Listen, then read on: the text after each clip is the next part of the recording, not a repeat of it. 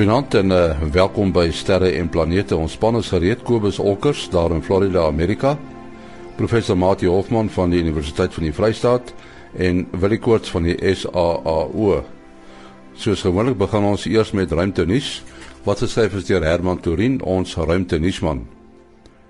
Die Volksblad berig dat die eerste tree vir die bou van Meerkat, die voorganger van die SKA, gegee is toe die sement vir die eerste nuwe antenna gegooi is. Dit is die eerste van 64 fondamente vir die antennes van die Meerkat teleskoop. Die bestaande Kat 7 teleskoop bestaan uit 7 antennes. Die SKA sal uiteindelik uit sowat 3000 antennes bestaan. Meerkat sal later met nog 190 teleskope vergroot word om fase 1 van SKA te vorm. Tracy Cheatham, hoofbestuurder vir infrastruktuur en terreinoperasies by SKA Suid-Afrika, sê om 'n fondament vir 'n teleskoop soos die te ontwerp is ingewikkeld en uitdagend. Die fondamente moet verseker dat elk van die antennes van 19 meter hoog met sy hoofweerkaatser van 13,5 by 16 meter besonder stabiel is en in staat is om akkuraat na ver af hemelliggame te mik. Dit moet ook 'n windspoed van tot 144 km/h kan trotseer. Cheatham sê die eerste fondament sal nou 'n reeks toetse deurgaan om te verseker dat aan alle vereistes voldoen word. Die CIA het na dekades se wilde aansprake uiteindelik erken dat sy geheime basis Area 25 in Nevada bestaan. Die basis is as heilige graal vir samesweringsaanhangers beskryf, weens gerugte dat daar ook by die basis in die geheim gewerk is aan die kopieering van tegnologie van gestrande VVV's soos die een wat na bewering by Roswell verongeluk het. Ander het beweer daar word sy aan sy met ruimtewesens gewerk met wie telepaties gekommunikeer word. Die CIA het die sluier gelig oor sy geheime navorsing op die U2 en Oxcart verkenningsvliegtuie. Maar nie word gerep oor enige buiteaardse bedrywighede nie. Die basis het al 'n verskeie rolprente oor buiteaardse kontak opgeduik, waaronder Independence Day. Dorpies in die omgewing van Area 25 benut die reputasie al lank deur toeriste op padpredikante en ander voorwerpe met buiteruimtelike temas te trakteer. Selfs van die straatname verwys na beweerde buiteaardse bande. Tot sover ruimtenis. En nou praat ons met uh, Kobus Olkers daar in Florida, Amerika oor uh, die son. Uh, iemand het my nou die dag gevra Kobus, uh, ons praat oor die son weer. Uh, dit is nie dieselfde soort weer as ons weer nie, want ons weer is atmosferies, nê. Nee. Ja, en ons praat van uh, ons praat eintlik van ruimte weer. Die ruimte weer term word gebruik, die Engels daarvoor is space weather, word gebruik omdat daar redelike uh, sterk winde waai in die ruimte. En hierdie winde is is van partikels wat van die son af uitgestraal word ehm um, wat eintlik uitgeblaas word kan 'n mens sê die son is mos 'n een, massiewe groot kernontploffing waterstofbom wat wel 10 miljoen waterstof meer as 10 miljoen waterstofbomme wat heeltyd afgaan. Hierdie wind wat uitgewerk word of hierdie slag wat uitgewerk word deur die son bereik die aarde teen 'n gemiddeld van so tussen 300 en 400 km per sekonde as as die uh, son redelik stil is. En, let wel dit is kilometer per sekonde nie, nie per uur of enige so iets nie. Alhoewel die die die snelhede baie hoog is, is die digtheid baie laag. Dit is nie so laag dat dit nie uh, enige effek kan hê nie en dit uh, dis sit ons daarmee. Die partikels wat van die son afkom is hoofsaaklik ehm um, elektries gelaai en dit kan dus uh, effekte hê op die aarde se magneetveld en as dit deurdring na die aarde self toe kan dit allerlei uh, dinge doen soos wat ons al in die verlede bespreek het. Ja goed Kobus, eh, wat maak die son op die oomblik en wat gaan hy in die volgende week doen? Goed, die son is op die oomblik redelik uh uh so 'n medium aktiwiteit. Ons het 'n hele paar filamente op die son. Ehm um, so die luisteraar seker agtergekom het het ons so deur die week 'n bietjie radiosteurings en so gehad. Ehm um, dit was as gevolg van 'n filament wat wat uitgebars het ehm um, vroeg maandagooggend en hy het so teen donderdag se koers hier aangekom. Uh daar is nog eenetjie op pad en daar is nog 'n paar filamente op die son wat kan kan uitbars. Dit is eintlik baie snaaks want ehm um, redelik ongewoon want filamente gaan gaan lê gewoonlik. Ehm um, dis redelik skaars dat uitbars en ons het in die afgelope 2 weke al 3 gehad wat opgespring het. Uh aardbars doen uh in die geval. Dan het ons ook op die suidelike halfrond van die son het ons uh, nie minder nie as 8 aktiewe areas waarvan 2 redelik kompleks is. Met ander woorde daar is 'n kans dat hulle vir ons kan uh, uitbarstings gee met met die gepaardgaande fakkels. Die noordelike halfrond het net so 3 ehm um, ons het so 'n week of twee gelede ons gesels oor die son se ehm um, pole wat besig is om te verander. Dit is die die gevolg daarvan dat ons nou die wanbalans en aktiwiteit in die noordelike en suidelike halfrond het. En uh vir die volgende week uh kan ons dus nie nie terugsit nie. Ons um, as dinge skeef gaan met die internet of met die selfone, moet maar nie vir die diensverskaffer staat blameer nie. En uh mense wat langafstand radio wil verbindings wil pleeg, uh, moet maar bewus wees daarvan. Uh jy weet baie mense besef nie dat dat die son ons naaste ster is. Uh, ons ster is uh, baie gemiddelde geel ster, nê, nee, ons son. Dis korrek ja. ek gebruik dit self nogal redelik baie as as 'n as 'n 'n soort van so mense sê 'n big question as ek as ek lesings gee dan vra ek vir die mense wat is die naaste ster aan die aarde dan kom die mense uit met Alpha Centauri en die soort van goed maar ja die die son is is, is net so 80 minute weg van ons af of 8 minute weg van ons af nie nie 3 en 'n half ligjare ver nie.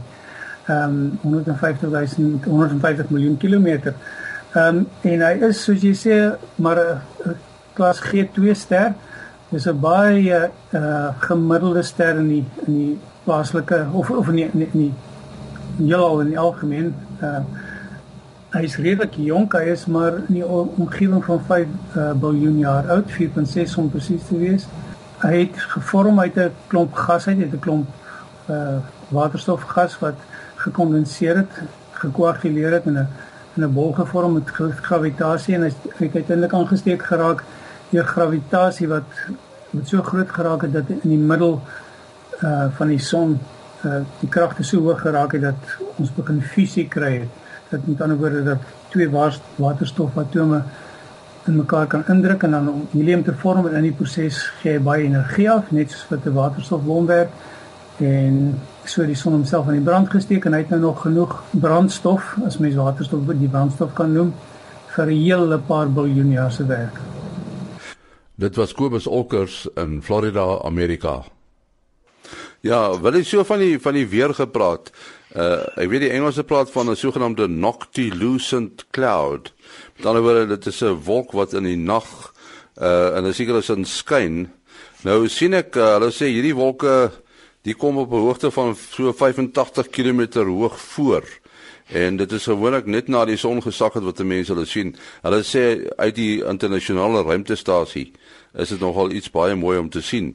Uh het jy al van die goed gesien hierdie uh sogenaamde PMC die die polare mesosferiese wolke? Uh, nee ongelukkig nie nog net baie daarvan gelees en ek dink die uh, astronomy picture of the day iPod is is is was nou onlangs ook 'n ongelooflike foto en selfs 'n video daarvan.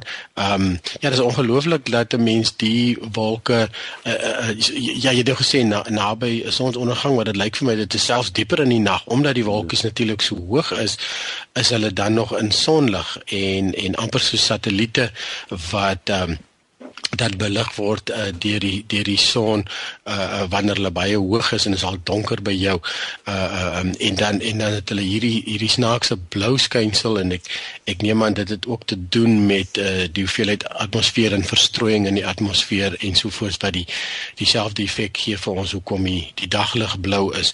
Um, maar uh, ja, dit dit is 'n interessante verskynsel wat ek ongelukkig nie nie nie regtig genoeg van weet nie.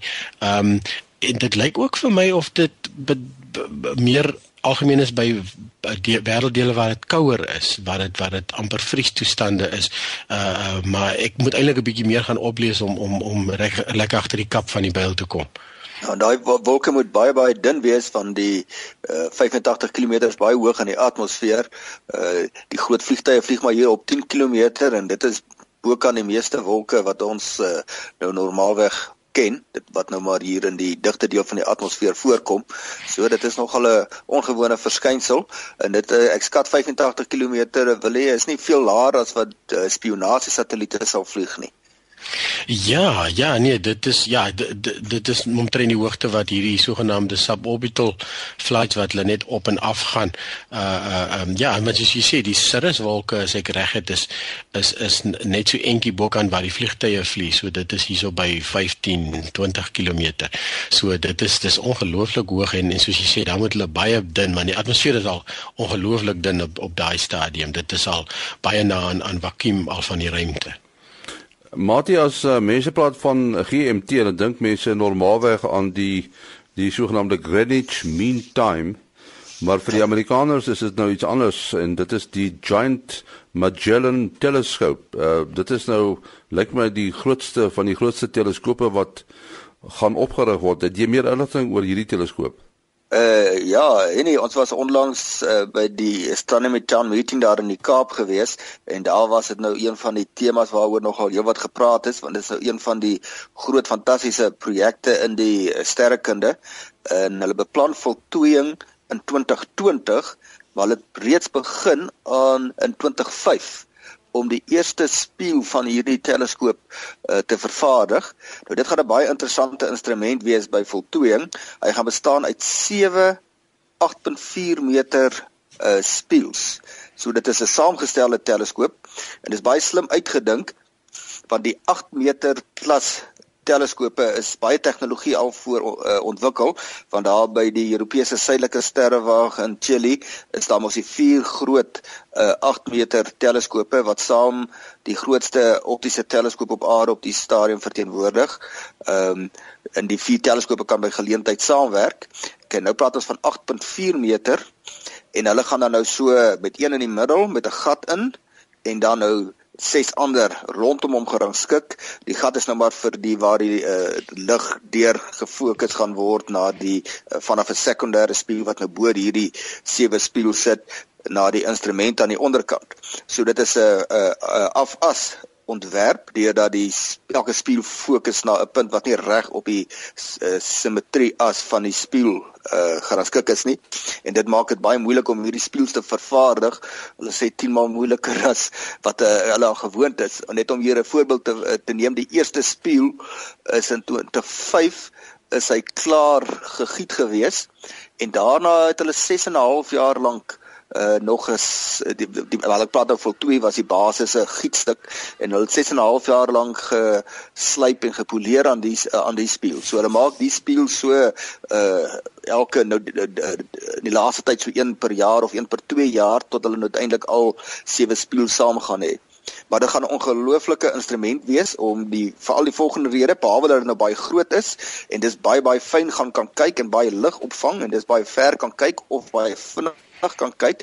Uh gaan dit toegerus wees met die tegniek wat ons nou al so na verwys het by geleentheid aanpassingsoptika of adaptive optics. Nou ons het nou nou gepraat van wat hier bo in die atmosfeer aangaan wat baie belangrik is vir ons klimaat en oorlewing op aarde, maar sleg is vir die sterrekunde want dit uh, laat die sterre so vonkel. Dit mag mooi wees vir uh, vir gewone mense of kom sê die nie sterrekundiges, maar vir die sterrekunde is dit taamlik rampspoedig as die ster so vonkel want jy kry baie uit fokus beeld uit. Maar daar's 'n tegniek ontwikkel wat die atmosfeer se effek kan neutraliseer uh wat nou ook 'n tydjie sal vat om te verduidelik, maar kom ons sê die eindresultaat daarvan gaan wees is dat hierdie teleskoop sal so fyn kan kyk dat dit in beginsel uh die wyte van 'n menslike haar op 'n afstand van 1000 km sou kon sien. Sure. So dit is absoluut onsagwekkend en uh, nou kan jy sien hulle in 2005 begin, 15 jaar later gaan hulle eers hopelik voltooiing bereik En dit is 'n patroon met die groot projekte in die sterrekunde. Dit word gevisualiseer en word waar oor 'n baie lang tyd wat vir mense nogal baie sê van die ongelooflike nuuskierigheid en toewyding van die spanne wat dit dryf.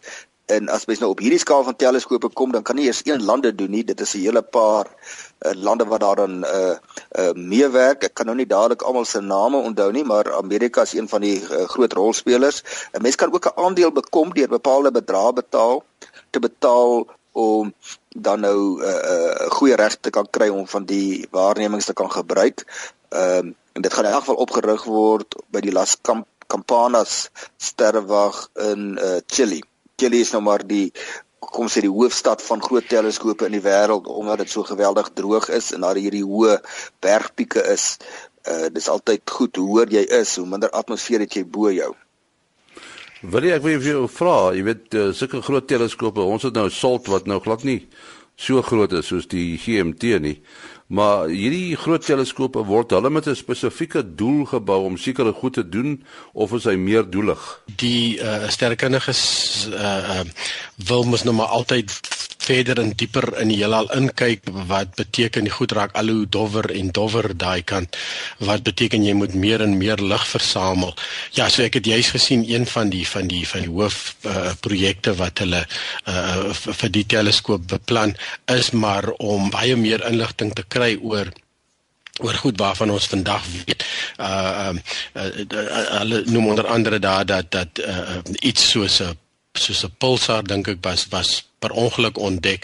Uh so wat natuurlik ook gebeur is dat is dat uh daar word goeders ontdek en en um en dit dit gee weer nuwe vrae iets wat Mati al 'n paar maal genoem het op die program wat uh, dan weer aanleiding gee tot tot tot tot verdere navorsing sal ek maar sê. Ja, en selfs die die, die naam van die teleskoop uh Magellan ken ons uh aan die hemel ken ons dit as die Magellaanse wolke, die twee uh, uh galaksies wat rondom ons eie galaksie in 'n uh pendelbaan is en en ons kan hulle net uit die suidelike halfrond uit sien so Magellan toe hy dan oor die horison af suidwaarts ge, ge, gery het met sy met sy in sy skip uh, destyds uh, het hy die noem dit maar die Kaapse wolkies as die ander naam ontdek en uh um, en so so dit is amper hulle hulle hulle stel nou hulle seile uh, hulle weet wat hulle min of meer nou kan ontdek en wat hulle kan verder op op uitbrei op ontdekkings. Maar uh, die seile is gespan om om uh, nuwe wêrelde selfs te gaan ontdek. Ja so dit is net net ongelooflik as jy as jy dink in die uh, in 'n in 'n in 'n klompie jaar. Goed wat ons vandag as algemeen aanvaar moet heel moontlik nog ontdek word deur deur uh, sulke baanbrekers werk soos hierdie teleskope Mate die Voyager satelliete wat uh, reg weg van die aarde afgeskiet is daar in die 70er jare is hulle ek dink is in 1972 is hulle toe gelanseer.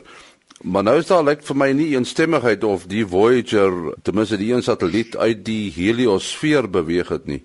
Hoekom stry die ouens so daaroor? Ja, ek dink aan die een kant is daar interessante wetenskap om te doen uh daar by die einde kom, uh, van die sonnestelsel nou daar's natuurlik nie 'n bepaalde grens nie behalwe in die sin dat mens kan sê die sonnestelsel eindig waar sy mees magtige of magtigste karakter die son se invloed uh, stop. Die die uh, die son se invloed in die sonnestelsel geskied uh, veral op twee maniere. Die een is uh, deur gravitasie wat ons almal goed ken, weet sy enorme massa het die son 'n baie sterk aantrekkingskrag. Hoe nader jy aan hom is, hoe groter is daardie aantrekkingskrag. So die aarde word in 'n baan om die son gehou, soortgelyk al die planete en al die ander voorwerpe wat om die son wentel. As 'n voorwerp om die son wentel, is hy onder invloed van die son se gravitasiekrag. Maar daai gravitasiekrag word kleiner en kleiner en kleiner. Maar dan 'n uh, uh, uh, ander belangrike invloed wat die son het, is via uh, sy magneetveld en ook die sonwind. Die son se magneetveld is 'n baie groot struktuur. Uh dit het invloed op die aarde uh op verskeie maniere en daai uh, magneetveld van die son verander ook. Dis nie 'n onveranderlike struktuur in die uh sonnestelsel nie. Maar nou wat nou veral nou vir ons relevant is om nou by jou vraag uit te kom, is die sonwind. Uh die son het allerlei uitbarstings uh daar op sy oppervlak en dan word daar goed die sonnestelsel ingewerp waar veral dan gelaaide deeltjies wat by wyse van die sogenaamde sonwind teen 'n baie hoë spoed uh, die sonnestelsel uh, inge, ingeneem word. Uh, en dan kan jy dit dit laat hom geld op daardie wyse. Dat kom natuurlik ook sterwinde uit die ruimte uit in ons rigting maar die sonwind is baie sterker as die sogenaamde uh sterwende as jy na genoeg aan die son is. En mense sou dit so kon stel dat die uh jy sou omgewing kon de, definieer wat jy die die heliosfeer kon noem waar jy kan sê die son domineer. Sy invloed is groter as dit wat uit die buitenste ruimte na ons toe kom. Dis amper so 'n soort van 'n 'n bubble wat 'n klomp gelaaide deeltjies wat hulle oorsprong by die son het, 'n son het gevisualiseer moet word. Maar as jy dan nou verder gaan, dan kom jy by 'n omgewing waar die uh weens die ander winde wat nou teen die son werk van wat van die sterre afkom uh maak dat hierdie sonwind uh, se spoed word uh, word laer.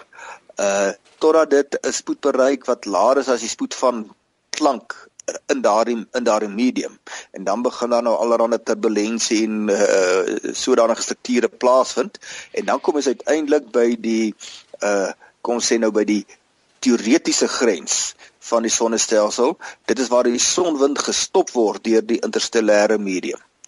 En nou uh, ons noem dit 'n teoretiese grens uh, want daar word maar geteoretiseer uh, dan moet nou uh, deur Voyager 1 neem metings. Hy tel hierdie gelaaide deeltjies en iewers ek dink so in die laaste jaar is daar 'n skielike afname in hierdie aantal gelaaide deeltjies waargeneem en dis hoekom toe gespekuleer is ehm um, dat hy nou daardie grens uh, oorskry. Daar's nie meer so baie gelaaide deeltjies wat 'n oorsprong by die uh, son het nie. Maar uh daar word gedebatteer want ons weet nie presies wat daar aangaan nie. Ons het gepraat van 'n teoretiese grens. Dit moet nog baie beter gekarakteriseer uh, gekarakteriseer word. Uh ek weet nie of wil jy verdere in 'n uh, uh, insig daarop kan vir ons uh, lewer nie, maar ons het te doen met 'n teoretiese grens wat nie baie skerp gedefinieer is nie en waar daar nog die enigste metings wat ooit daar geneem is is wat een ruimtetuig, die Voyager 1 wat geweldig ver van ons af is. Ek dink is seker omtrent 2 maal die afstand na Neptunus uh, metings doen. Uh, so dis maar 'n ou basis van inligting om baie kategoriese stellings op te maak.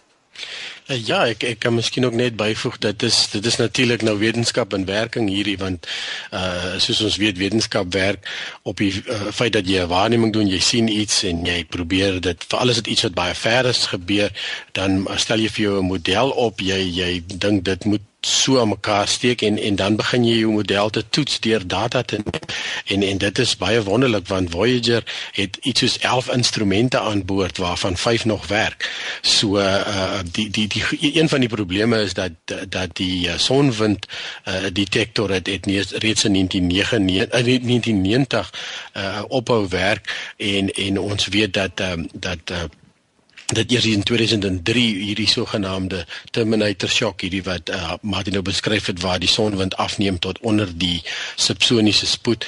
Uh um so het die sonwind detektor ongelukkig nie meer gewerk nie, maar so hulle moet nou van die ander instrumente data bymekaar sit om om te probeer bepaal wat wat gaan hier aan, maar daar's nog reeds genoeg inligting. Ja, en dan die ander uh, probleem wat ons hier gekry het is dat die uh, magnetiese uh, verandering wat hulle verwag het so die die die son het sekere magnetiese invloed en dan die inter, interstellêre medium die uh, ruimte daar buite het 'n ander 'n ander invloed.